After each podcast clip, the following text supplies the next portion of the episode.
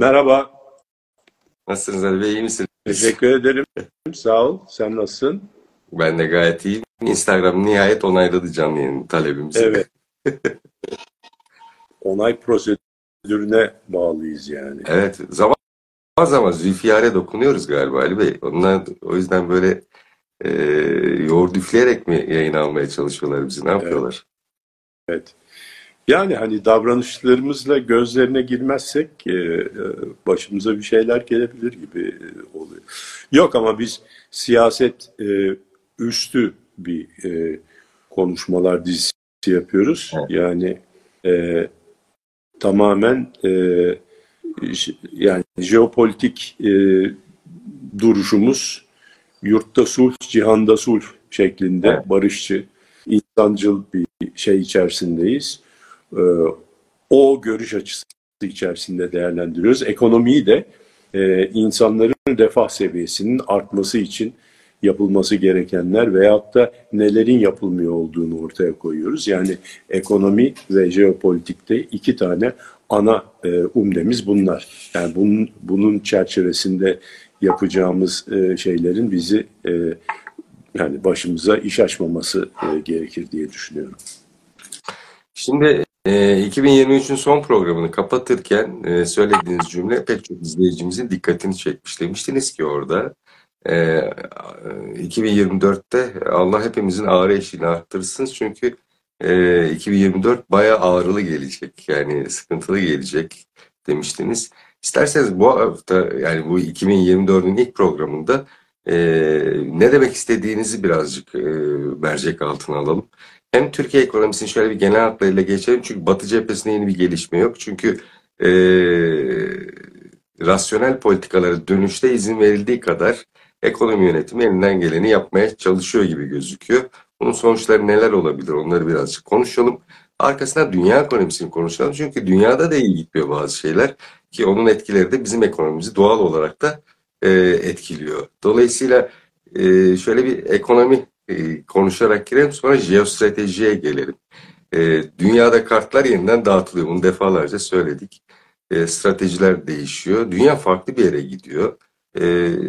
Önce ekonomiyle başlayalım. Daha sonra da dünya nereye gidiyor konuşalım sizinle. Ne dersiniz? Evet, yok, evet çok mantıklı.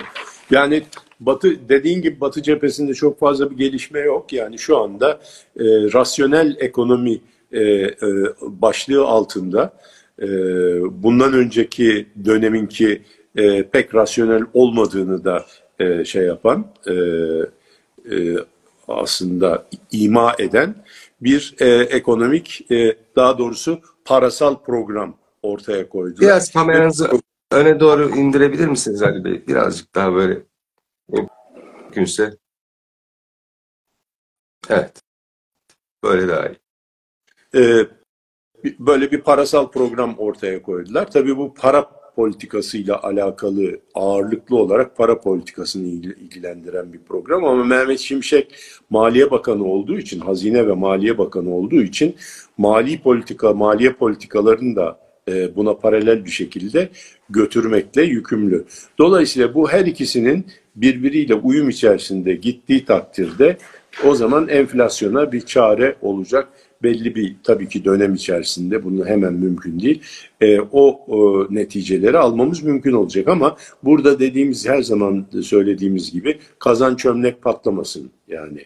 Do ama öyle bir risk daima şimdiye kadar e, olduğu için müteaddit kereler diyelim böyle bir şey olduğu için yine kazan çömlek patlayacak diye herkes yoğurdu üfleyerek yiyor. Dolayısıyla bu ekonomik aktörleri yani hane halkı, e, ondan sonra reel kesim, finans kesimi, e, e, bunlar ana e, aktörler, ekonomik aktörler olarak bunların bu programa inanması lazım ve o programa e, yönünde, o programın hedefleri yönünde hareket etmesi lazım ki e, program başarılı olsun.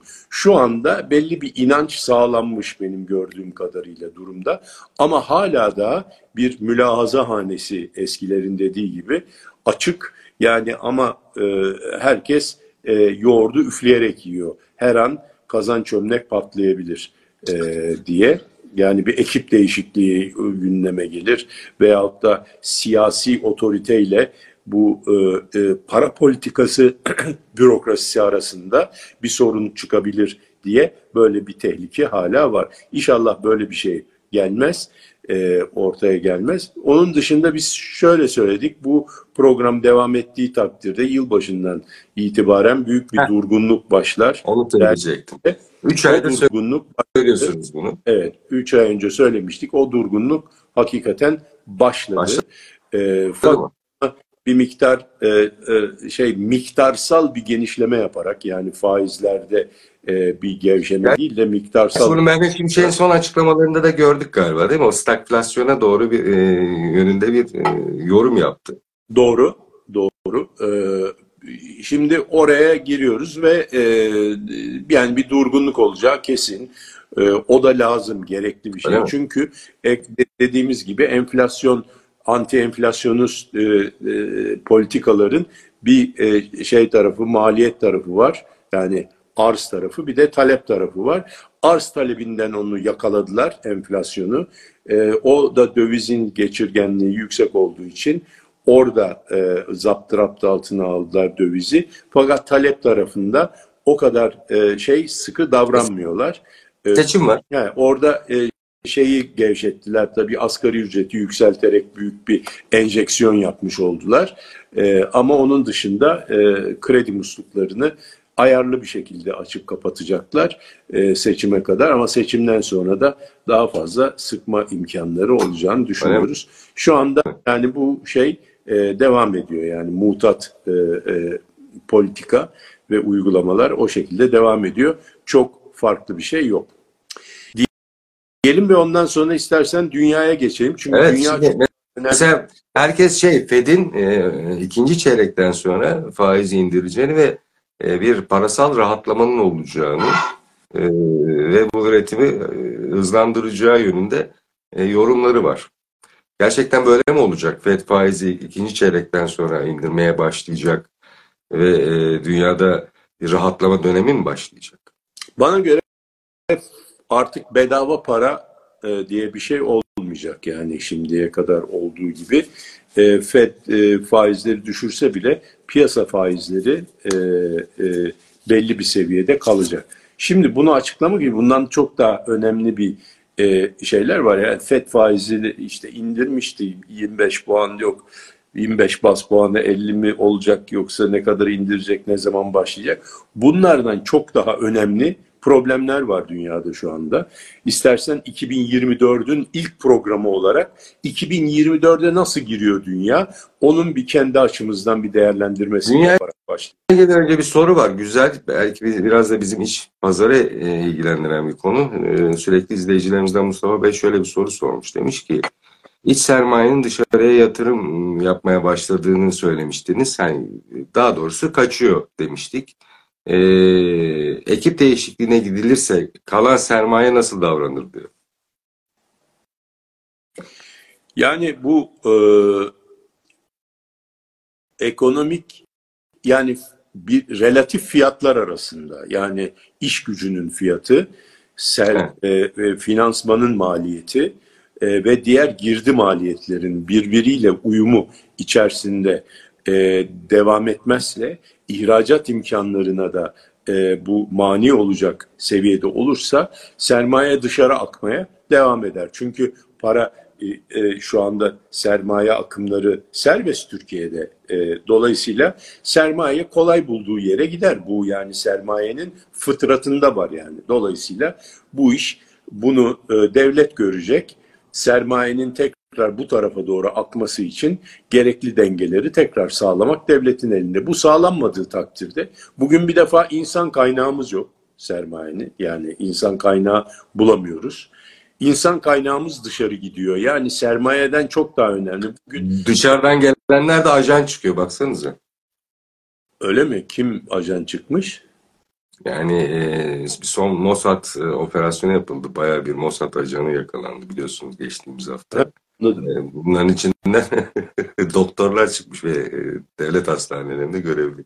Ya tabii üniversite belediyelerde vardır, e, ondan sonra şeylerde vardır, sağlık kurumlarında vardır, her yerde vardır. Ben mübalağa sağlık, ediyorum. Belki de yani dediğinizde çok haklısınız. Bakın sağlık, sağlık konusu bugün e, çok önemli bir e, e, gizli servis departmanıdır sağlık konusu.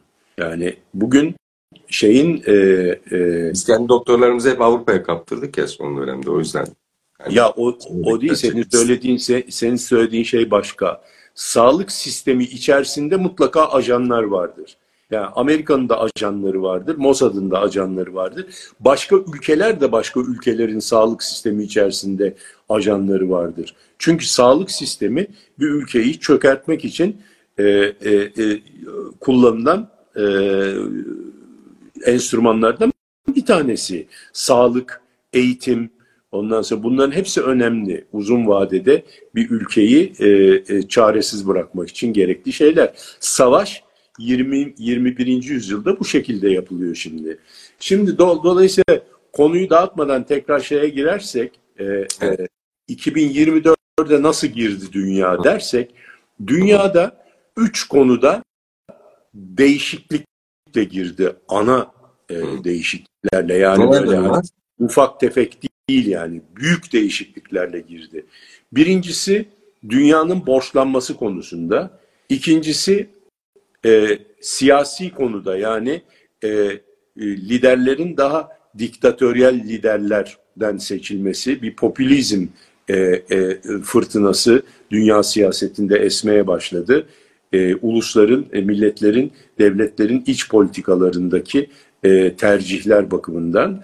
E, üçüncüsü de e, bir büyük güç e, ihtilafı var dünyada. Dünyayı etkileyecek 2024 yılına girerken. E, dördüncü e, e, şeyimiz e, aslında beş tane ana şey var e, diye düşünebiliriz. Dördüncüsü e, iklim değişikliği ve tabiattaki arızalar diyelim onlara. E, onlarla girdik 2024'de. Beşincisi de eksponansiyel teknoloji gelişimi. Yani teknoloji her zaman gelişiyor da bunun eksponansiyel olduğu başladı. Yani e, her zaman hani e, e, bu ifadeye e, yanlış kullanılıyor. ivme diye, ivmelenme diye. Ama burada efendim en, doğru kullanılıyor. Enflasyon ivmelendi. Yok efendim şeyler fiyatlar ivmelendi. Böyle bir şey yok. İkinci türevidir ivme. Burada hakikaten eksponansiyel dediğimiz zaman ikinci türevinden bahsediyoruz. Yani birinci sene iki arttıysa ikinci sene dört, üçüncü sene efendim 16 artan bir hızda gittiği için bu ivmelenme bu demek yani. Ee, yani bunun karşılığında e, şey olabilirdi, lineer olabilirdi, doğrusal artabilirdi. Yani evet. her sene birer birer artar giderdi mesela. Teknolojinin eğer bir ölçütü varsa o ölçüt birer birer artar, artarak giderdi veyahut da ikişer ikişer artarak giderdi. Bunda önce iki sonra dört sonra on altı artıyor. Dolayısıyla burada bir e, üstel bir artış hızında e, teknoloji bütün bu konjonktüre giriyor. Yani ne dedik tekrarlayacak olursak büyük bir borç krizi. Biraz açar iki, mısınız abi Hepsini açacağım. İkincisi popülizm e, e, e, şeyler devlet idarelerinde popülizme girilmesi. Üçüncüsü e, büyük güçler, süper güçler arasında ihtilafların, büyük ihtilafların bulunması. Dördüncüsü iklim değişikliği ve e, e, e, tabiat arızaları diyorum ben buna. Tabiat arızaları, sel falan gibi afetler, e, şeyler e, bu hortumlar, hurricane'ler bilmem neler. Ondan sonra dört, beşincisi de teknolojinin üstel e, gelişme içerisinde olması. Şimdi birincisi çok önemli bir konu. Dünya çünkü şimdiye kadar hiç bu kadar borçlu olmamıştı. Ya neye göre kime göre borçlu? Kardeşim işte nüfus arttı, gelir arttı. Borç da artacak tabii. Hayır öyle değil. Yani 310 trilyon dolarlık bir borç söz konusu dünyanın. Bunun içerisinde e, devletlerin borcu, e, hane halkının borcu e, ve endüstrinin reel kesimin borcu dahil olmak üzere konsolide 310 trilyon dolar borç var. Dünya ne kadar e, mal ve hizmet üretiyor. Dünyanın gayri safi hasılası o da 90 trilyon civarında. Demek ki 3 katından fazla Üç buçuk kat. 3 katından fazla e, bir e, e, borçlanma yani gelirin 3 katından fazla bir borçlanma söz konusu ve dünyada hiçbir zaman bu e, e, e, bu rasyoda bir borçluluk olmamıştı yani. E, şimdi bu neyi getiriyor? Hiç olmamış mıydı? Yani birinci, ikinci dünya savaşları vesaire şu bu onlarda Hayır, yaşadık. Büyük buhranlar. Yani benim baktığım e, şeyde bu kadar büyük bir borçluluk olmamıştı. Şimdi yani bu borç tabii ki yani e, Peki bu borç ödem neden oldu? efendim Bu borç ödem neden oldu? ya, ya şimdi e, bedava paradan oldu.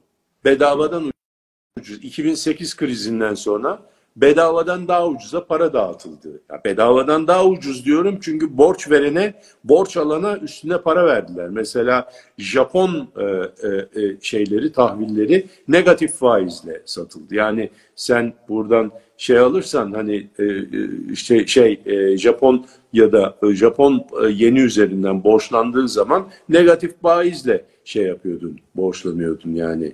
E, dolayısıyla yani üstüne bir şey. Hani faiz almak değil üstüne bir de para veriyorlar. Sana kredi verip üstüne para veriyorlar. Yani böyle bir acayip e, e, ve e, Yani 100 bin lira çek 90 bin lira öde gibi falan. gayri yani. ras, rasyonel, evet gayri ekonomik e, bir dönemden geçtik ve burada borç patladı. Şimdi diyeceksin ki ya kardeşim borç e, birinin borcu öbürünün değil mi? Geliri. E tabi mutlaka bunun bir bunun bir e, o borcu verenin alacağı var. Kim o alacaktılar? alacaklar ki ona baktığınız zaman yani dünyanın bütün bilançosunu konsolide ettiğin zaman bilançonun Bir- sağ tarafında biliyorsun borçlar sol tarafında birinin geliri olacak. Kimin geliri olacak bu borç? Aynen, aynen. İşte bütün e, zurnanın zırtladığı yerde orası yani. Evet, bütün bu borç birilerinin geliri. O birileri de finansal kesim. Borçlu olanlar devletler, hane halkı ve reel kesim. Öbür tarafta e, alacaklı olan da finans kesimi ve merkez bankaları aynı zamanda hani devletin e, parasal tarafları. E, şimdi dolayısıyla e, e, Bir kısır döngü olacak şimdi o zaman. Yani bu ödenemeyecek bu borçlar o zaman yani. yani bu güzel bir sonuç. borçlar mutlaka e, yani bu borçların e, yani öngörülen öngörülebilir süre içerisinde ödenme ihtimali sıfır. Yani böyle bir şey yok. Çünkü bu kadar gelir yani neyle ödeyeceksin bunu? Gelir artırarak ödeyeceksin. Değer yaratacaksın ki o değerlerle o borcu ödeyeceksin. Halbuki borç şu anda para basarak ödeniyor. Yani benim şimdiki borcumu ödemek için zaten basılmış olan ekstradan üretimin üzerinde basılmış olan parayı, paranın faizini ödemek için bir daha para basıyorsun. Bu da böyle o zaman ivmelenerek işte bu ivme oluyor. İvmelenerek borcun artması söz konusu oluyor. Dolayısıyla bu çok olumsuz bir gelişme. Yani burada bu borcu nasıl eriteceğiz e, derken eritmek değil de üstüne üstlük daha büyük para lazım, daha büyük borç almamız lazım. Ürettiğimizden çok daha fazla e, e, e, paraya ihtiyacımız var gibi bir durum var. Orada ne, nereden kaynaklanıyor? E, dedik ya üçüncü maddemiz e, büyük e, e, superpowerların ihtilafları. Dolayısıyla onların ihtilafları bir savaş tehlikesini ortaya çıkartıyor. Savaş tehlikesi de muazzam bir e, e, defans harcamalarını yani e, e, askeri Herkes tank, tüfek, uçak vesaire alıyor yani. uçak alıp hepsini depolamaya çalışıyor şu anda. Çünkü ulusların birinci önceliği kendi hayatiyetlerinin devamını sağlamaktır. Yani önce, önceliği refah değil, sıcak bir yuva değil, bir altına bir araba değil, çocuğunun gideceği okul değil. Öncelikle e, kendi e, hayatta kalma içgüdüsünü e, sağlaması, ulusların nasıl bireylerin böyle bir içgüdüsü varsa, hayvanların da varsa, ulusların da böyle bir e, hayatta kalma içgüdüsüyle askeriyelerini mutlaka güçlü tutmaları lazım ki birisi yani illaki savaş yapmak için değil, birisi saldırmaya kalkarsa caydırıcı olsun Evet. diye.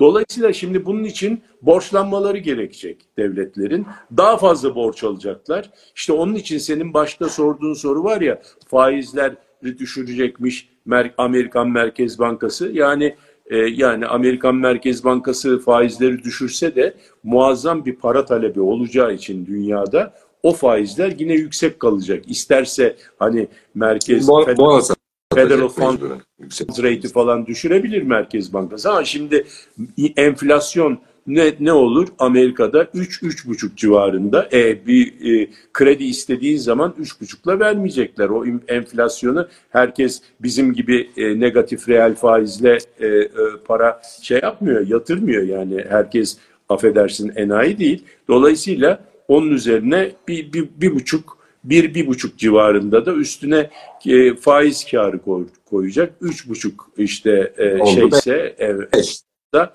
dört buçuk beşlen e, para alabileceksin. Şimdi bu acayip bir şekilde e, yatırım talebi şey yapmaya, silahlanmaya, e, ordu şeysini artma, artırmaya, e, müdafaa gücünü artırmaya çalışırken bu da e, böyle bir gelişme olacak. O da tabii ki çok olumsuz bir şey.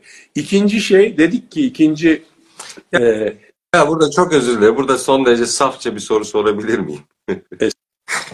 Estağfurullah. Yani şimdi de, demek ki bu borcun ödenme şansı yok. Öyle bir kısır döngü oluşmuş durumda. Yani niye o borcu verebilmek için de yüzde beşlik bile olsa gidip bono basacaktı devletler. Ya da ne bileyim tahvil basacaklar. Onu satmaya çalışacaklar. Onların faizleri yükselecek. Yani politika faizi düşük olsa bile oradaki şeyler yüksek olacak. Gene enflasyonu körüklenecek. E gene tekrar borçlanacak. Yani abi de böyle bir kısır döngü oluşmuş olacak. Yani evet. günün birinde kalkıp günün birinde kalkıp devletler desek herkesin yediği yanına kar kalsın. Hadi bakalım bütün borçları siliyoruz gibi bir şey gider mi dünya? Yani böyle bir safça bir soru sorayım. Paraların hiçbir değeri yok. Yeniden para basıyoruz. Eski paralar çöp. Şimdi global konsolidasyondan bahsediyorsun. Evet. Ee, global bir konsolidasyona gidilir mi? İşte o hakikaten e, çok zor bir hadise. Çünkü kiminin az borcu, kiminin çok borcu var. E, e, dolayısıyla orada... Yani alsaydın kardeşim sen de fazla borç. Bak Ertan çok borçlu. Halicim sen de az borç almışsın diyebilirler misin? e, alsaydın. Onu demeden önce veya onu dediğin anda savaş çıkar zaten. E zaten savaş ee, biz savaş çıkacak yani. Görüş onu gösteriyor. Yani o borçların ödenmesi için savaş olması lazım maalesef. Bunu söylemek yani bunu söylemek çok e, acı bir şey, zor bir şey ama yani bu iş halledilmediği sürece bu iş dünyayı savaşa götüren bir e, yolun başlangıcıdır.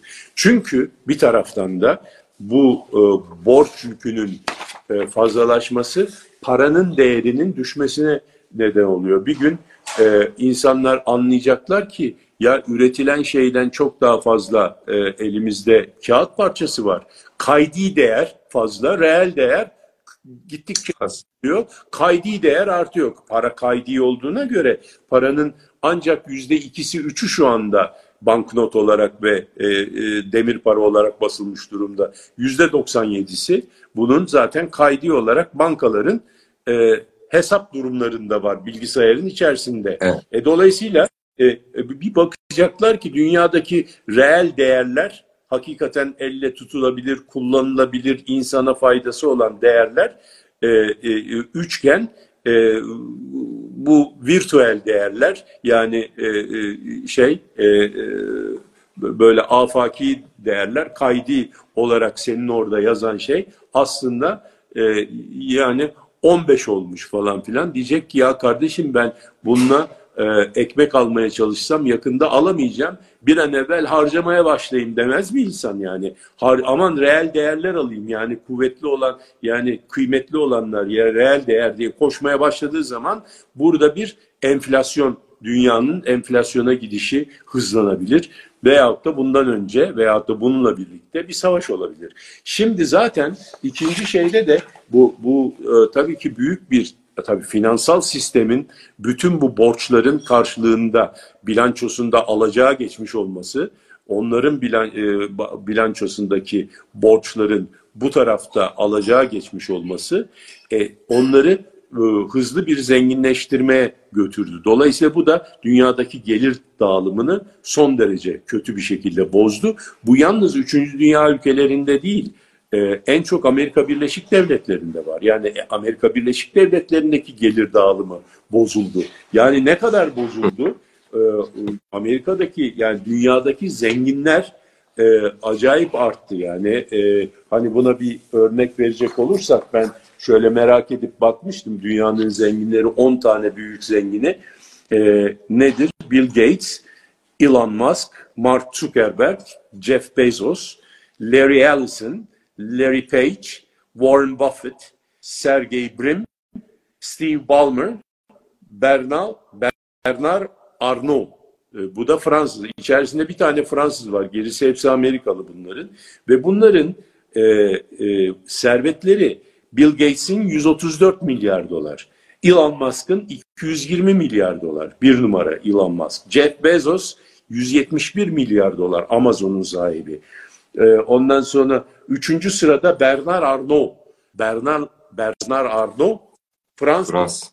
E, Louis Vuitton'un sahibi. Sahibi. Onu soracak. Onun sahibi değil miydi bu? Bütün e, lüks tüketim mallarının hepsini bu abimizden e, sormamız gerekiyor. 160 milyar dolar servet yapmış. Dolayısıyla dördüncü gelen Bill Gates 134 milyar dedik. Beşinci Larry Ellison bu Oracle'ın e, kurucusu. E, bunun e, elinde çok büyük miktarda testleri de var. E, orada biraz sakata gelebilir yani onu söyleyeyim yani. Hmm. Ama orada e, servetinin büyük kısmı yine e, işte Oracle'dan geliyor. Onun için orada sağlam yere park etmiş vaziyette. E, altıncı e, sırada Steve Ballmer var. O da Microsoft'un e, ortaklarından. Bir de Los Angeles Clippers e, basket takımının sahibi. E, yedinci sırada Larry Page var. O da Alphabet dediğimiz Google'ın sahibi olan şirketin ortaklarından. E, sekizinci sırada Warren Buffett bu abimiz bu şeylerden teknolojiyle pek şeysi yok. Bu abimiz ya, dünyanın Borsacı. en başarılı yatırımcısı.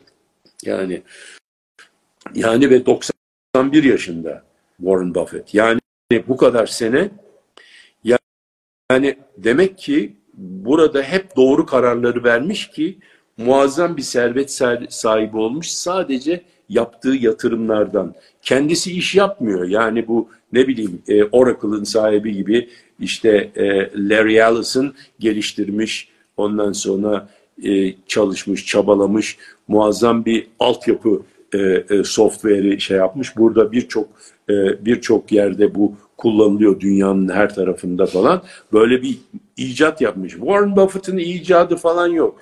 Kim neyi iyi yapıyorsa onu iyi görmüş, muazzam bir vizyona sahip ve uygun fiyata satın almış ve şeysine koymuş, portföyüne koymuş. Aynı zamanda bu arada da... ben bir enter parantez hatırlatma yapayım. Warren Buffett deyince benim bu itibar yönetimi danışmanlığını Türkiye'deki iş dünyasının gündemine sokma yolculuğunda e, etkileyen şeylerden biri de Warren Buffett'ın bir sözü olmuştu.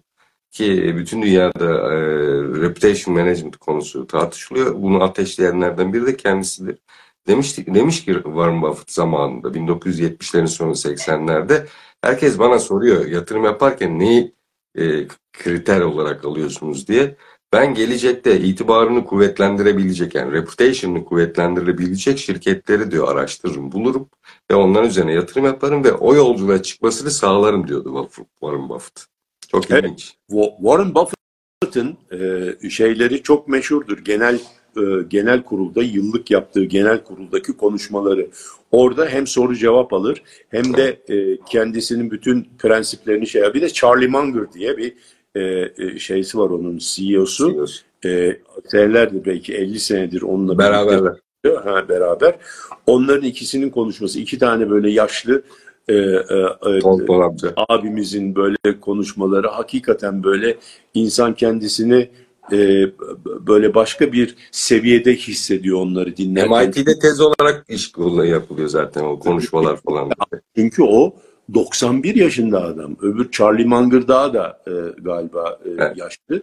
Hala zeki, hala vizyon sahibi. bütün e, e, acayip bir hafızası var. Her yaptığını hatırlıyor ve muazzam bir dünyanın tarihini e, sana yaşamış. Yani dünya ekonomik tarihini e, gelir tarafında yaşamış olan bir insanla konuşuyorsun. 3 yıl önce çok... konu etmiştik zaten hatırlarsınız. CFR gibi yapıların beyin adamları bunlar yani. Evet. Ee, yani bunları şunun için söyledim bu, bu şeyleri. Yani bunlar genellikle 50 yaşının üzerinde yani bir tek e, Sergey Brin alfabetin e, e, yani Google'ın sahiplerinden ikinci e, co-founder yani kurucularından bir tanesi. O 48 yaşında. Gerisi hep 50 yaşın üzerinde. Bill Gates 68 oldu. Jeff Bezos 58. Larry Ellison 77 yaşında. Warren Buffett en babaları 91 yaşında. Steve Ballmer 67 yaşında. Bernard Arnault 74 yaşında 5 tane çocuğu var. Kızına devretti moda kısmını. Bunda Christian Dior da var bunda. Tiffany Company'yi de satın aldı falan filan. Şimdi buradan e, geleceğim şey şu. Muazzam bir şekilde e, gelir dağılımı adaletsizliği var burada ve en çok da bu Amerika'da var. Yani Amerika Birleşik Devletleri'nde aslında son 25 sene içerisinde satın alma gücü artmamış çalışanların. Yani böyle bir istatistik de var. Dolayısıyla bu da bir çatlak meydana getiriyor. Yani birinci dedik ki 2024'e kadar e, 2024'e dünya nasıl giriyor? Büyük bir borçluluk yüküyle, borç yüküyle ve büyük bir geri, gelir dağılımıyla birlikte giriyor. Yani onu söylemek için bunları da e, şey yaptım, örnek olarak verdim. Şimdi tarihte görülmemiş bir e, borçluluk üzerinde yani gelire nazaran borçluluğu çok yüksek. İkincisi popülizm. Popülist liderler geliyor, diktatörler geliyor. Arjantin yani, örneği. İnsanlar mesela. çaresizlikle mesela Arjantin, işte Macaristan diyorlar. O adam akıllı işte şeyde Hindistan'da Modi falan. O adam onlar akıllı bir kısmı yani ama insanlar çaresizlikten artık böyle e, vurup vurup da bir şey yapacak insanları e, seçmeye çalışıyorlar. Bunun sosyolojik nedenleri olabilir. Tabii sosyolog olmadığımız için o konuya fazla girmeyeyim ama evet. bu 2024'de giriş parametrelerimizden önemli bir parametreler, parametre borçlanmadan sonra. Üçüncüsü Great Power Conflict dediğimiz süper güçlerin ihtilafı. Bu da yani e, e, filler e, fillerin e, çarpışması demek. Orada karıncalar eziliyor tabii ki. Dolayısıyla bütün dünya için, bütün karıncalar ve tavşanlar için de önemli iki tane film. Canım Amerika, Rusya, Çin kavgası şu an. Aynen. Şimdi Amerika ile Çin'in e, ve bu da çok e, e, e, yani... Bu arada Şeref Bey e, bir yorum atmış. E, Sayın Şeref Oğuz. Ee, Dünyada otorite özlemi arttı diyor. Çok önemli, çok doğru. İşte benim daha iyi, çok daha iyi ifade etti e, Şeref Bey bunu e, benim söylediğimden. Dünyada evet yani çaresizlikten bir otorite özlemine e, e, kayış var. Tıpkı 100 yıl önce demiş gibi evet yani e, Hitler zamanı e, da bunu oh. şey yapabiliyor. Hitlerler, Hitlerler falan bunların e, şeysi zamanı tekrar maalesef geliyor. Öyle bir benzetme de var. Yani şimdi bu iki tane süper güçlerin ihtilafı dediğimiz zaman 2000 e, bu, bu şu andaki e, kurulu düzen dünya düzeni Ahmet e, Söylemezoğlu'nun kitabını burada e, tekrar yazması gerekecek galiba Ahmet Bey o kitabı. Evet. Savaştan Maalesef yazması gerekecek. Dünyanın bütün kurumlarını anlatıyordu. Birleşmiş Milletler'den başlayıp World Trade Organization, Dünya Ticaret Örgütü, Dünya Bankası, IMF, ondan sonra e, mahkemeler, Dünya e, işte Adalet Divanı, e, Criminal Court dediğimiz işte Dünya e, e, yine o da bir mahkeme, e, kriminal mahkemesi, suçlar ceza mahkemesi, ceza suçları mahkemesi. Bunlar gibi bütün kurumların tesis edildiği zaman İkinci Dünya Savaşı'ndan sonra savaşan ülkelerin yeni bir dünya düzeni kurarak bu işi yapmalarıyla başladı. Şimdi o düzen bozuldu. Çünkü neden? Güç o zamanki savaş sonrası çok mutlak bir şekilde oluşmuş olan güç dengesi. Çünkü savaş bitiyor. Herkes e, kucağındakini, eteğindekini döküp bütün gücünü e, e, sarf ettikten sonra ya benim gücüm bu kadar diyorlar. O güce göre sınırlar çiziliyor. O güce göre bir dünya düzeni kuruluyor. Birleşmiş Milletler'de bile veto e, hakları ona göre dağıtılıyor. Beş kişiye veto hakkı veriliyor. Dünya beşten büyüktür diyor Cumhurbaşkanımız. O çok tabii ki doğru ve e, yani 20 senedir aslında gündemde. Hindistan geliyor bir tarafta. Şimdi e, şimdi o beş tane güç işte e, e, İkinci Dünya Savaşı'nda galip gelen devletler. Fakat o güç dengesine göre kurulan bu düzen şimdi değişti. O güç dengeleri yok artık. Da, değişik bir güç dengesi var. O zamanlar dünyanın gayri safi hasılasının yüzde ellisine sahip olan Amerika Birleşik Devletleri şu anda sadece yüzde yirmi beşine sahip. E diğer yüzde yirmi beşte Çin e, e, almış vaziyette. E, dolayısıyla aynı kurallara göre hareket edemeyiz arkadaş. Hindistan geliyor dediğin gibi. O Hindistan'ı da bu şeyin içerisine nasıl sokacağız? Sokmak lazım. Burada muazzam bir sancılar var. Dünya güç ülkeleri var. Muazzam bir sancılar. Bravo Afrika ülkeleri. Eskiden Afrika'yı e, tutmuş Batı e, Sen... didik didik e, ayıtlıyordu yani şey tabiri caizse ayıtlıyordu. Bütün madenlerini, tabii kaynaklarını yok efendim işte şeylerini altınını, e, gümüşünü, e, pırlantasını, şunu, insan gücünü. Bütün tarım ürünlerini. Evet, tarım ürünlerini vesaire. Fakat şimdi artık Afrika nüfusu dünyanın yüzde dördüyken şimdi e, 2100 yılında dünyanın yüzde kırkı olma yolunda gidiyor demografisi. Yapılan projeksiyonlar onu gösteriyor. Dolayısıyla Afrika'nın ağırlığı artıyor. Artık ayıklayamayacaksınız, didikleyemeyeceksiniz. Koloni devri e, yavaş yavaş bitiyor. Ee, yani dolayısıyla gördük. Yani e, Afrika'dan bu Fransızların veya diğer Avrupa ülkelerinin atılışını gördük. Aynen. Dolayısıyla bu e, şey o konjonktür de değişiyor. Dolayısıyla dünyadaki güç dengeleri nasıl değişecek? Yani savaş olmadan bunun e, anlaşmayla bir araya get, gelerek bunun anlaşmayla yapılması çok zor bir hadise. E, yani aslında e, zekanın bittiği yerde kabat kuvvet devreye giriyor ve savaşlar o şekilde çıkıyor. Çünkü eğer sorunu çözecek kadar zeki değilsen o zaman kabat kuvvete başvuruyorsun. Ya mahalledeki kabadayı gibi iki tane. Yani bunlar zeki adamlar değildir kabadayılar genellikle yani. Bileklerinin gücüyle hakimiyet kurmayı becerirler. Ee, yani zekiler e, daha ziyade süklüm püklüm adamlardır orada ama onlar da uzun vadeli bir strateji yapıp değil mi deve dilaveri sonunda bir şekilde kıstırırlar Avana Kavniler değil mi? Avana Kavni evet. devlet idareleri kıstırır arada sırada. Neyse Avana Kavni... Onu bizim nesil biliyor Ali Bey. Biz, en son bizler biliyoruz da devlet dilaverleri Avana Kavnileri. E, e, fakat en azından Şeref Bey çok iyi Evet. E, dolayısıyla burada e, bu Great Power Conflict dediğimiz süper güçlerin ihtilafı konusu da çok önemli bir e, çatlak çok önemli bir e, dünya sisteminin e, e, e, nasıl diyelim zaafı ve e, dünya sisteminin bozulmasına yol açabilecek parametrelerden bir tanesi olarak karşımıza çıkıyor. Ondan sonra dördüncüsü e, tabiat olayları. Ben diyorum ki tabiat arızaları diyorum ona.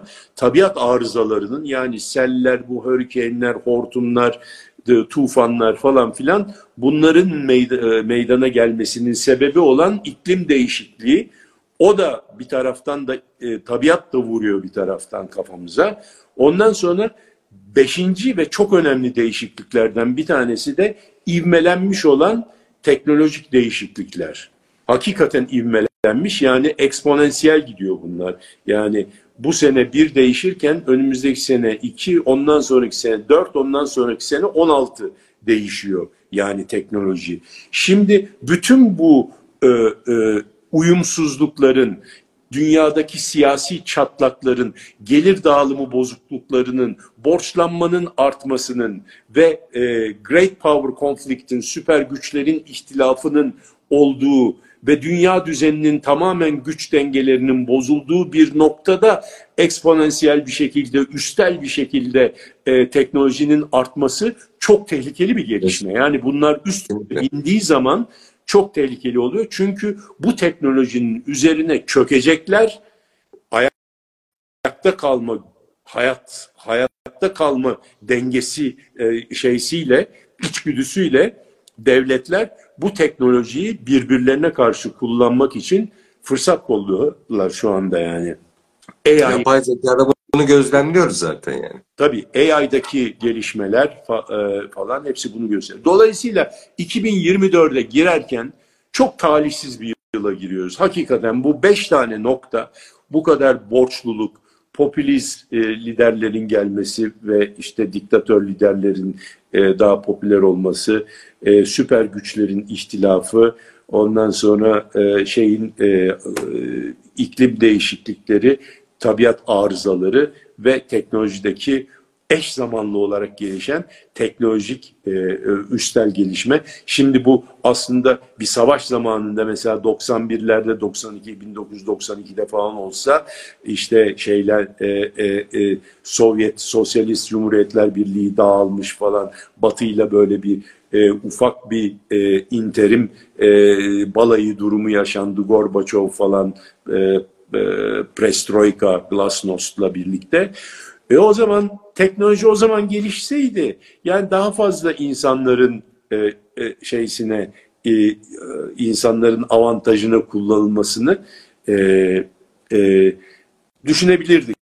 Ama bu tam böyle savaş rüzgarlarının estiği, e, güç dengelerinin bozulduğu bir zamanda teknolojinin de bunun üzerine muazzam bir şekilde e, gemi azıya alarak böyle AI'ların falan filan fırladığı, uzay savaşlarının başladığı, e, işte e, Elon Musk'ın 42 bin tane e, e, uyduyu e, uzaya attığı bir dönemde hakikaten korkutucu bir döneme girmemizin işaretleri diye e, düşünmemiz mümkün. Bu arada Şeref Bey gene bir manşet atmış bizim programa. Ee, kaybetmemenin yegane kazanç olacağı bir yıl 2024 tamam. demiş. Yani tamam. müthiş. Hatırlıyorum kendisine. Müthiş analizler. Çok doğru. Ee, yani onun için aynı Şeref Bey'in e, söyleyeceğine benzer bir şey e, söyleyecektim. O da yani inşallah 2023'ten daha kötü bir yıl olmaz. Yani daha yeni, daha iyi bir şey maalesef bekleyemiyorum. Yani daha iyi bir şey değil, daha kötü bir şey olmasın. Şeref Bey'in dediği de bu kaybetmemenin yegane kazanç olacağı bir yıl diyor 2024. Çok doğru. Ee, şimdi 2000 e, bu e, şeyden e, madem ki dünya düzenimiz iki, İkinci Dünya Savaşı'nın akabinde kurulmuş olan bir düzen, İkinci Dünya Savaşı'na giden e, bölümde de e, benzer durumlar var mı yok mu ona evet. baktığın zaman Şimdi Onu acaba 3. Dünya soracaktım. Yani 2. Dünya Savaşı'nda veya 1. Dünya Savaşı'nda da var mıydı var. böyle kırılmalar diye soracaktım. Diye Sen biz, benden önce zaman, söylediniz. E, evet. Oraya baktığımız zaman şimdi Amerika Savaş'a mesela nasıl nasıl girdi? Hani e, şeyde Hitler vardı falan filan. Onun da sebepleri var ama buraya Pearl Harbor'a girdi. Bambaşka bir şey konusu yani program konusu falan olabilir. Şimdi mesela Amerika nasıl girdi? Pearl Harbor baskını sonunda girdi. Pearl Harbor baskını... Filipinlere bekliyorlar saldırıyı oraya saldırdı Japonlar. Aynen ama e, şey e, yani bir demek ki sen hani Filipinlere bekliyorlardı e, dediğine göre Japonya'dan bir saldırı bekliyorlardı. E kaşıdılar adamları. Yani bu hani e, üç tane senaryo var bir harekatta böyle bir e, askeri harekatta üç senaryo var. Bir tanesi kendiliğinden işte güç dengesi bozulur, birbirlerine kafa tutarlar, zeka ile bu işi çözemezler, birbirlerine girişirler yani böyle tabii bir şekilde. Evet. E, kabadayının birbirine girişmesi gibi birbirine birbirine küfür eder, o öbürüne karşılık verir falan filan girişirler. Bu birinci senaryo. İkinci senaryo e, e, yönetilen e, e, bir e, harekat yani ters harekatın yönetilmesi deniyor buna e, İngilizce'de. Yani karşı tarafın harekatını görüp ona mani olmayıp onu yapmasını bekleyip ona göre yönetmek. Bu e, Pearl Harbor hadisesi biraz ona benziyor. Üçüncüsü ise e, tamamen reverse reverse flag operation dedikleri ters bayrak operasyonu, ters bayrak harekatı deyip karşı tarafın yapacağı e, şeyi de kendisi e, e, e, planlamak ve organize etmek ve onun karşılığında da savaşı karşı taraf çıkartmış gibi yapıp kendisi e, üzerine çullanmak asmının. Yani şimdi e, bu, bu arada üç diyor ki İbrahim Bey e, enteresan bir uyarı. E, benim gözümden kaçmış ama siz takip etmişsinizdir konuyu mutlaka. Sayın İbrahim Derma. Maalesef e, savaşların arttığı Kuzey e, Kore savaşı savaşı da bekleniyor. Yani savaşların arttığı bir yıl olacak diyor. Kuzey Güney e, Kuzey ve Güney Kore savaşı da bekleniyor diyor. E, ilginç. Valla tek başına olmaz o e, Kuzey Güney Kore savaşı da yani o hakikaten büyük bir savaş çıkartır. E, şimdi dolayısıyla bu e, doğru şey olabilir ama Tayvan'ın devamı olabilir. Yani Tayvan, Kuzey Güney Çin, ondan sonra Pakistan büyük e, e, o büyük e, olaylar Pakistan'da çıkacak bence. O Gwadar Limanı işte e, evet. Kuşak Yol Projesi. E, yani orada bu şeyi konflikti daha e, yani ihtilafı daha etraflı bir şekilde anlatmak ve ortaya koymak lazım. Çin-Amerika ihtilafını, büyük e, devletler ihtilafını. E, şimdi burada e, aslında Japonları Amerika nasıl sıkıştırdı İkinci Dünya Savaşı'na? Bütün onların e, petrol alımlarını falan kesti Pasifik'teki donanmasıyla. Japonya'nın bütün e, ana kaynaklarını e, yani Avrupa'dan gelen ve Asya'dan gelen bütün işte ham maddesini, ondan sonra petrolünü, e, e, şeyini, e, gıda maddelerinin falan yolunu kesip Japonya'yı e, saldırmaya mecbur etti ve Pearl Harbor'a saldırdı. Onu da şimdi biliyoruz ki onu o zaman bilmiyorduk veya uzun seneler bilmiyorduk. Bu belgeler açıklanınca ortaya çıktı ki e, Amerikan istihbaratı Japon filosunun, uçak filosunun havalanıp Pearl Harbor'a doğru geldiğini istihbar etmiş. Fakat dokunmamış. Yapsınlar, saldırsınlar demiş. Saldırdıktan 3 gün sonra da zaten Japonya'ya savaş ilan etti. Şimdi de benzerini zaten İsrail e, Hamas arasında da gördük yani defalarca uyarılmışlar. Yani hem Amerikan istihbaratı uyarmış hem Mısır istihbaratı yani uyarmış hem kendi kendilerinde uyarmışlar yani. Doğru öyle bir teori var ama şimdi tabii ki onun bunun e, şeyleri dokümante edilmiş vaziyette bu benim anlattığımın da o evet. sadece bir teori halinde onu hani iddia edemeyiz şu anda öyle bir şeyde o şekilde düşünenler ve onu savunanlar o fikri savunanlar da var. Dolayısıyla böyle bir durum e, var. Şimdi burada tabii ki... E, e, benzeri de Tayvan'da olmuyor mu şu an?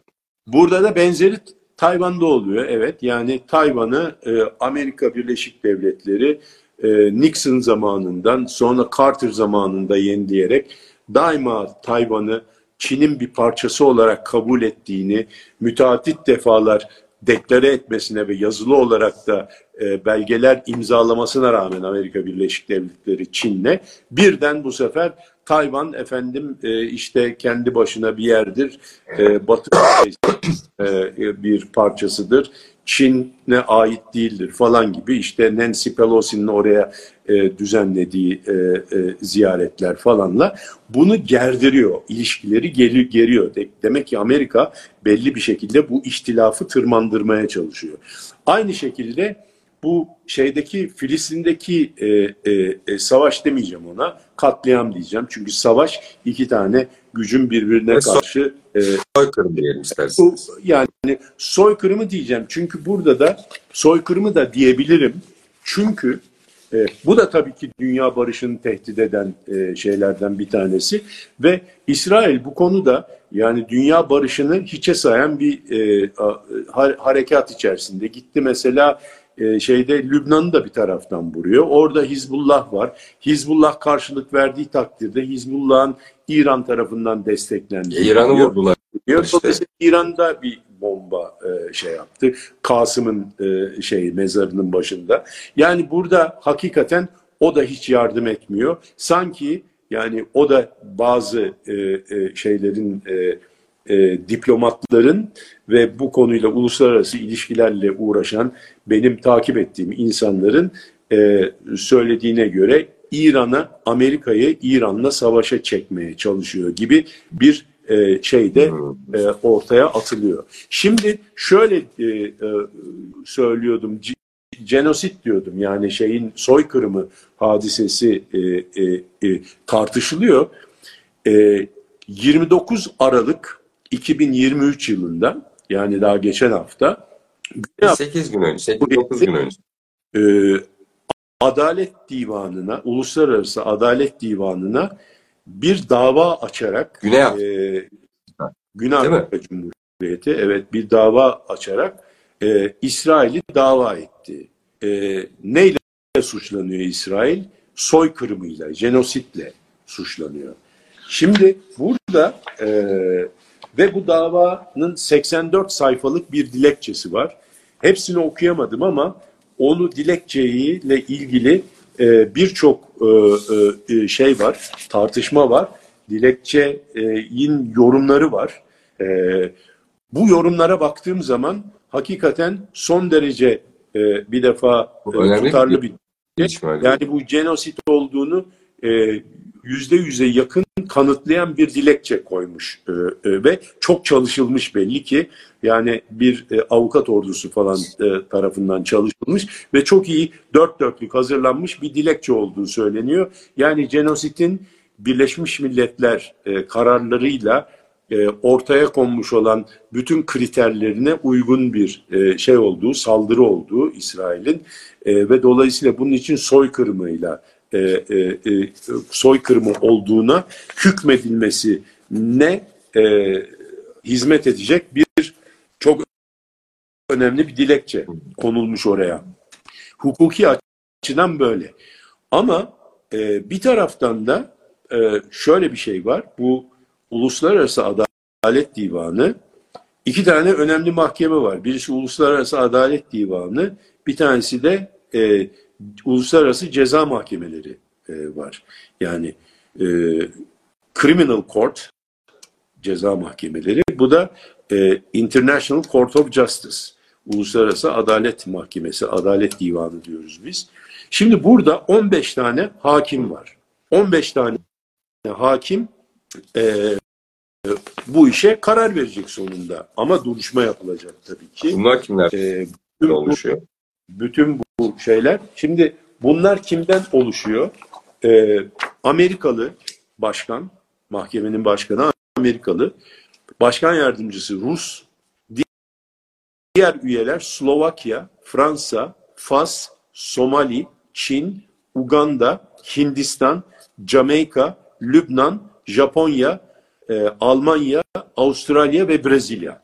Şimdi bunlara baktığın zaman tabii ki bu hadise sadece hukuki açıdan bir inceleme olmayacak. Aynı zamanda siyasi bir e, e, etki de olacak burada. Yani adam yani Somalili e, e, e, hakim e, Somali hükümetinin e, işte biraz e, şeyine gitmek, suyu politikasına gitmek e, Ali durumunda.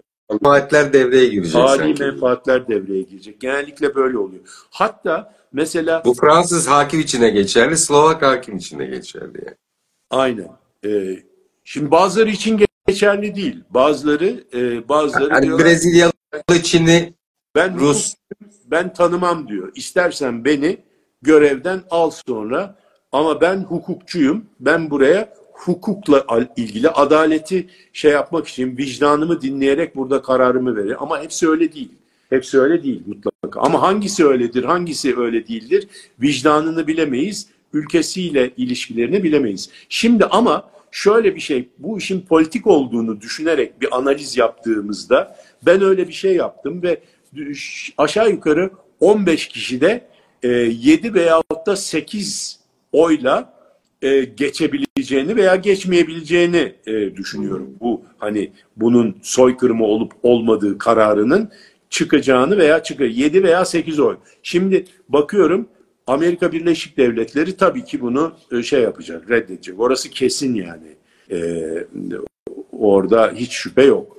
Amerikalı Evet. hakim da çıkıp ka- katiyen şey diyemez. Ya ben kendi e, vicdanıma göre ve önce adam, İbrahim Bey de e, yazmış izleyicilerimizden. Yani bu diyor ki Amerika Büyük Orta Doğu Projesi'nin çerçevesinde diyor e, İsrail Amerikan destekli katliam yapıyor orada soykırım yapıyor diyor. Haklısınız yani. Mutlaka, tabii. yani o işi yapanlardan bir tanesi. Çünkü Amerika kesinlikle buna, buna e, hayır diyecek. Çünkü eğer bu bir soykırımıysa o da soykırımına destek veren veya taklık yapan olarak tekrar ona da karşıda bir dava açılacak.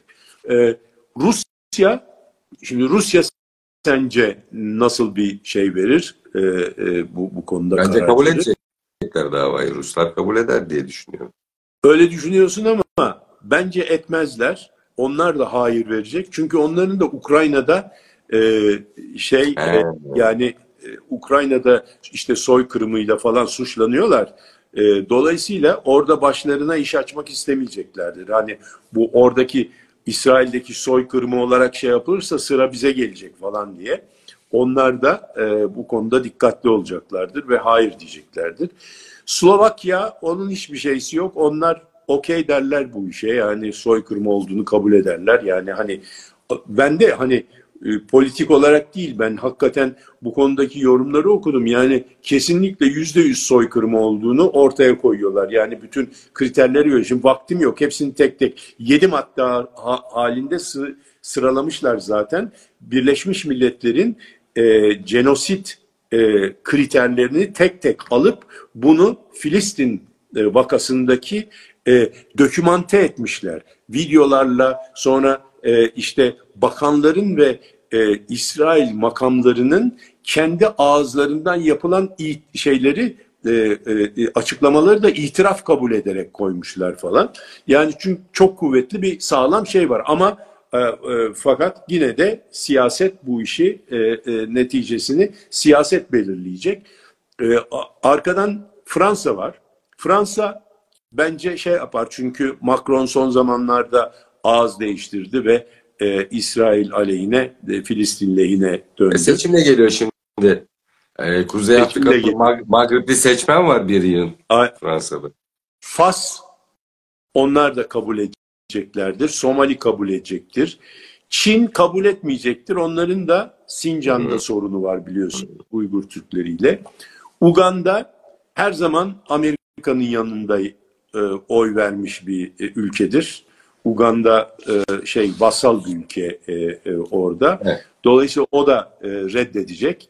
Hindistan reddedecek çünkü Modi'nin Müslümanlara e, karşı yaptığı bazı e, uygulamalar var. Onlar da genosit sayılabilir diye. Hindistan reddedecektir mesela.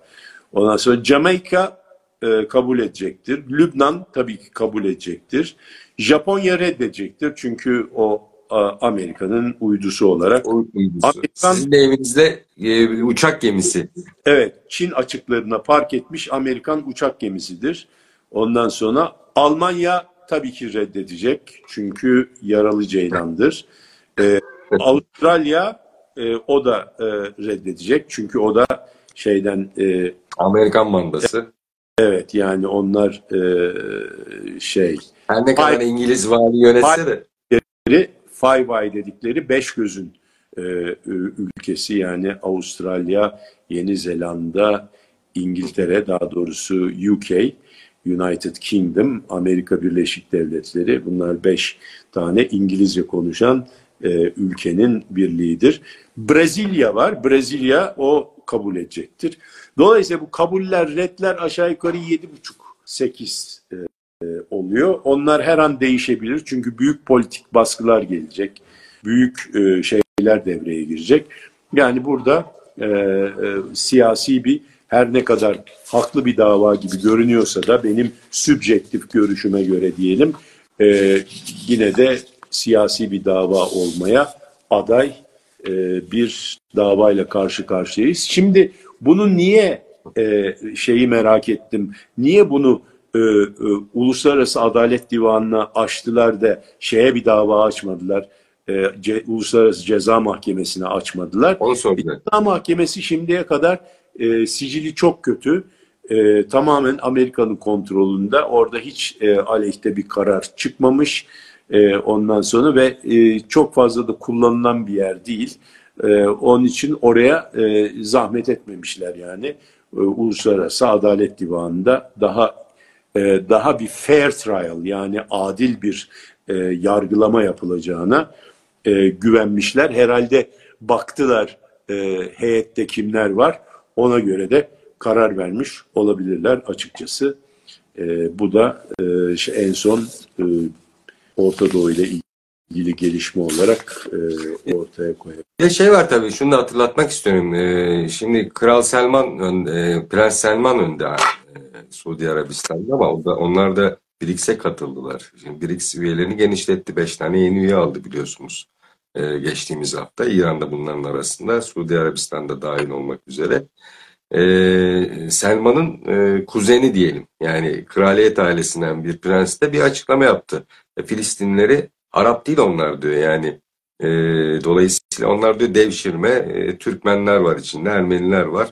E, Arap dünyası bu konuda niye e, bir tavır sergilesin ki e, benzer böyle bir minvalde bir açıklama yaptı.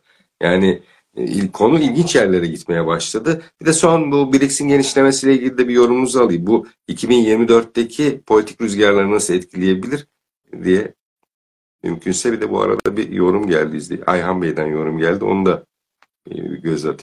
Ha, Blinken'ın gelişi, Türkiye'ye gelişi var bu arada.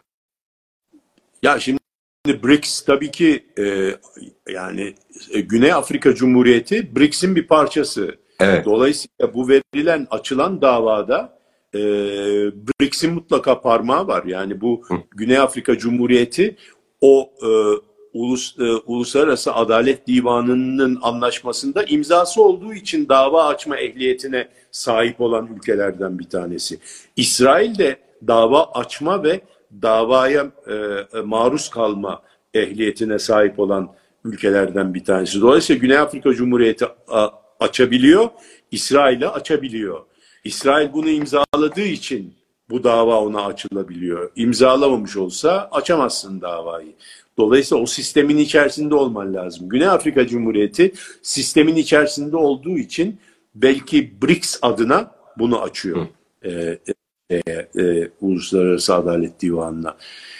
Yani dolayısıyla ha bir de şöyle bir şey var. İsrail'in avukatlarından e, bir tanesi Alan Dershowitz diye bir e, abimiz. Alan Dar- Dershowitz e, çok önemli bir e, e, ve e, Siyonist ve e, müthiş bir e, İsrail destekçisi Yahudi e, avukat abimiz.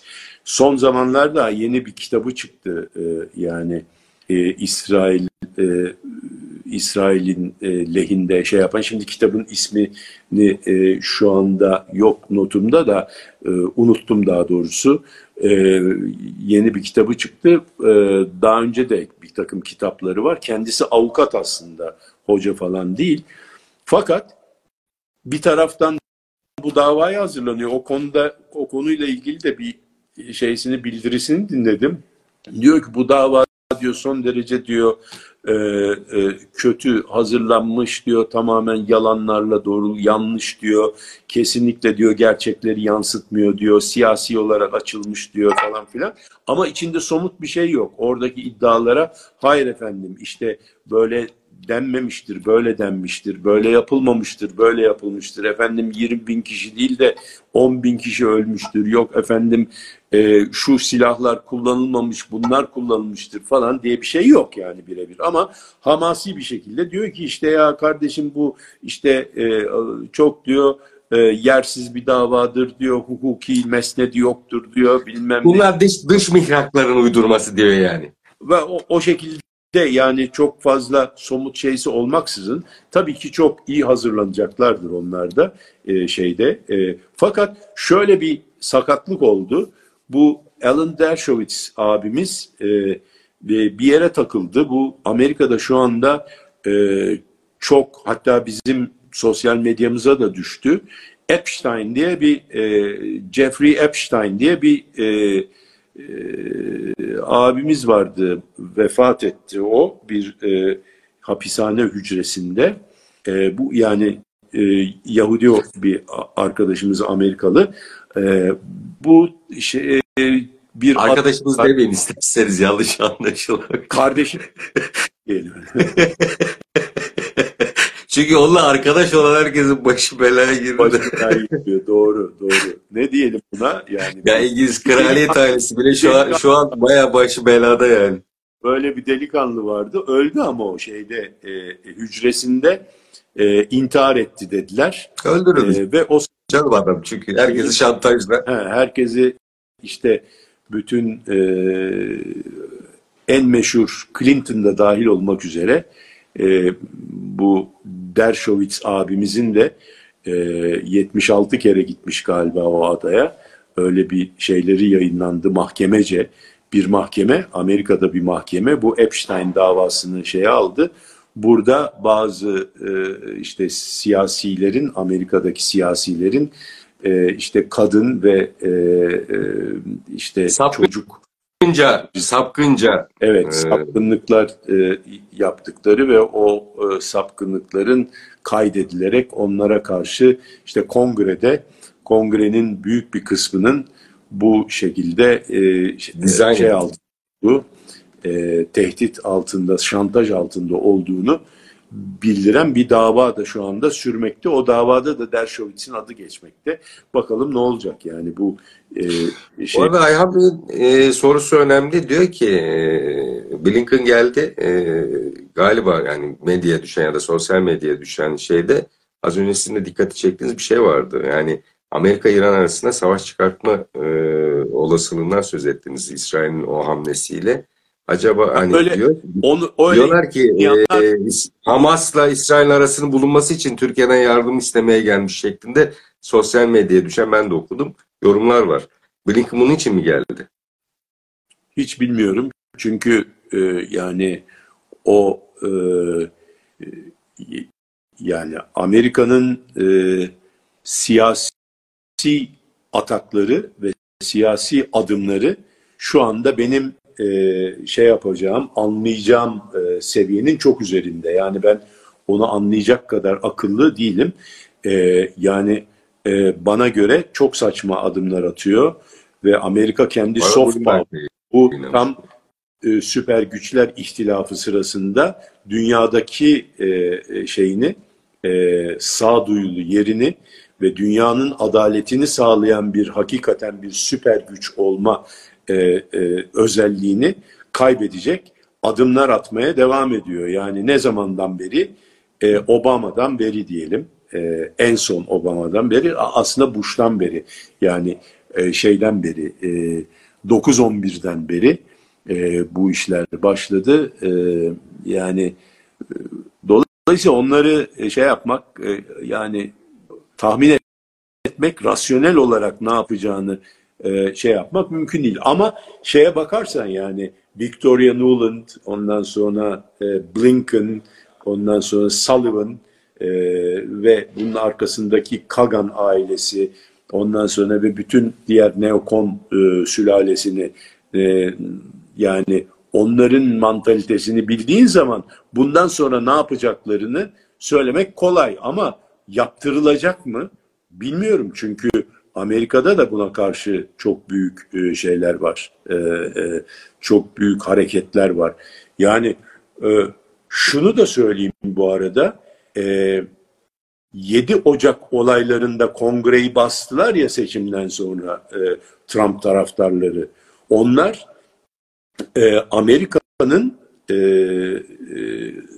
şey tarafından, Amerika'nın Anadolu tarafından gelen şeyleriydi e, saf Amerikalılar, milliyetçi Amerikalılardı yani. Taşralılar. Taşralılardı.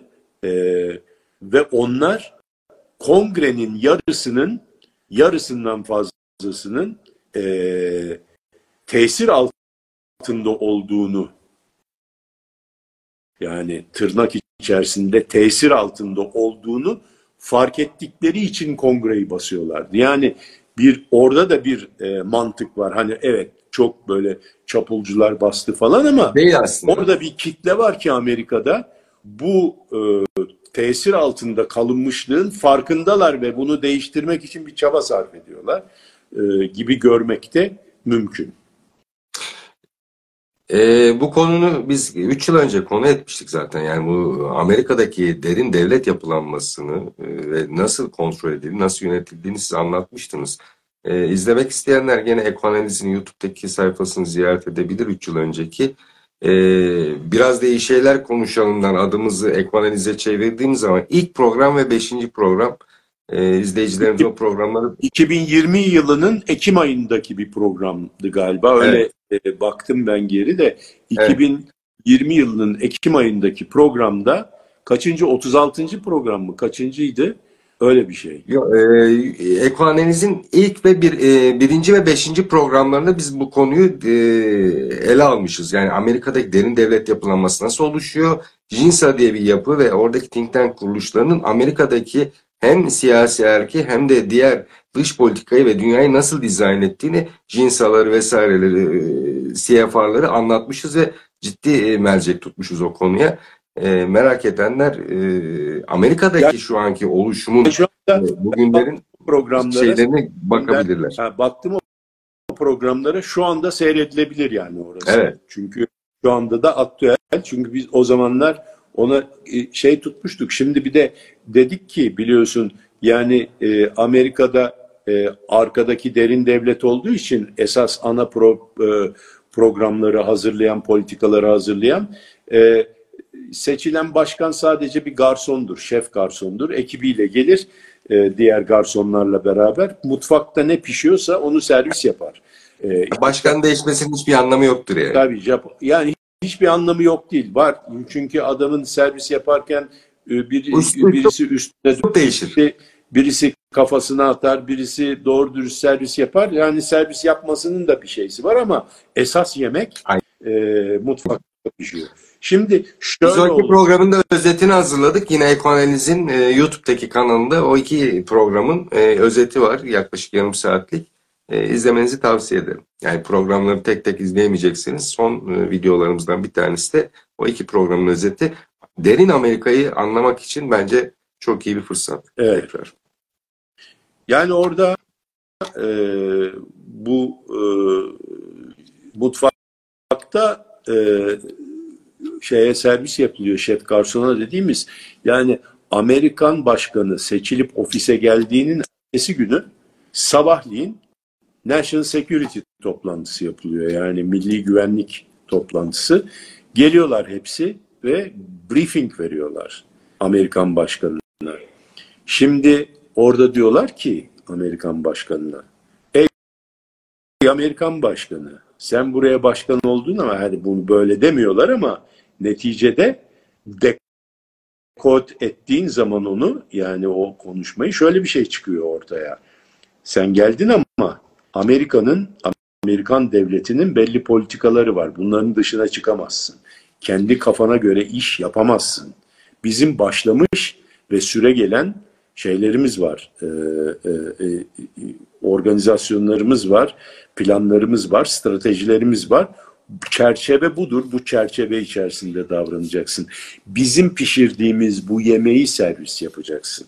Japonya'ya şunu vereceksin. Efendim e, Rusya'ya bunu vereceksin. Türkiye masasına bunu servis edeceksin. E, hepsinin hakkında biz sana ne yapılması gerektiğini söyleyeceğiz diyorlar nazikçe. Anlatabiliyor muyum? Şimdi ve bunun dışına çıkamıyor. Çünkü şimdi sen olsan çıkar mısın? Adam adamlar bütün devleti ellerine almışlar. Şimdi onlarla kapışmanın bir manası var mı? Sen neticede ikinci bir dönem daha seçilmek istiyorsun. Politikacısın, siyasetçisin değil mi? Ya onlarla şey yaparsan senin ne yapar yapar ayağını kaydırırlar yani. Ya bir skandal çıkartırlar ya bir şey çıkartırlar. Çünkü her, şey onların elinde. Dolayısıyla neokonlar da böyle bir hadise. Yani Biden istese bile istiyor mu bilmiyorum ama istese bile bunun dışına çıkamaz. Bunun dışına çıkan olmuyor mu? Clinton Oluyor. Şey, e, Clinton da oldu. Evet. Clinton da oldu. Clinton- Kennedy oldu. çalıştı. Lewinsky falan oldu. Ama Kennedy. JF Kennedy vurdular adamı. Yani şey değil ki yani Ni- Nixon O- istifa etmek o zorunda kaldı. O barış e, yurtta sulh, cihanda sulh gibi bir şey getirmeye çalıştı değil mi? E, dediler ki aman dediler bu adam savaşı durduracak. E, yani oralarda bir e, mutlaka e, bir derin devlet falan filan var. Bunu kabul etmek lazım. Bu yani Amerika'nın verilerinden bir tanesi. Diyelim ve bitirelim. Yani Evet. Ağzınıza sağlık. Zaman yine su gibi geçti. şeyi söylüyormuşuz gibi olacak ama e, biz burada herkesin bildiği şeyleri de tekrar ederek bu işi kapatalım bugün. Gerçi bizde hiçbir bilim kur- kurullarını almıyorlar belediyeler ama ne yapalım yani. Biz bilim adamı değiliz diyelim de en azından kimileri bilim adamı olduğunu iddia ediyor. bilim kurullarına falan almasınlar belediyeler. Ağzınıza sağlık. Ee, çok güzel başlıklar çıktı. Bunların bir kısmında e, sevgili gazeteci abimiz, büyüğümüz Şeref Oğuz attı program esnasında. Kaçıranlar programın tekrarını Ekoanaliz'in YouTube, Facebook ve LinkedIn'deki sayfalarından yarından itibaren programın kurgulanmış halini izleyebilir ya da Spotify'dan dinleyebilirler. Ya da ben bütün bu adresleri unutuyorum diyorsanız da ekoanaliztv.com'u ziyaret ederek de programı yarın oradan izleyebilirsiniz. Hoşçakalın. İyi haftalar diliyorum herkese. 2024-2023'ü aratmasın istiyoruz.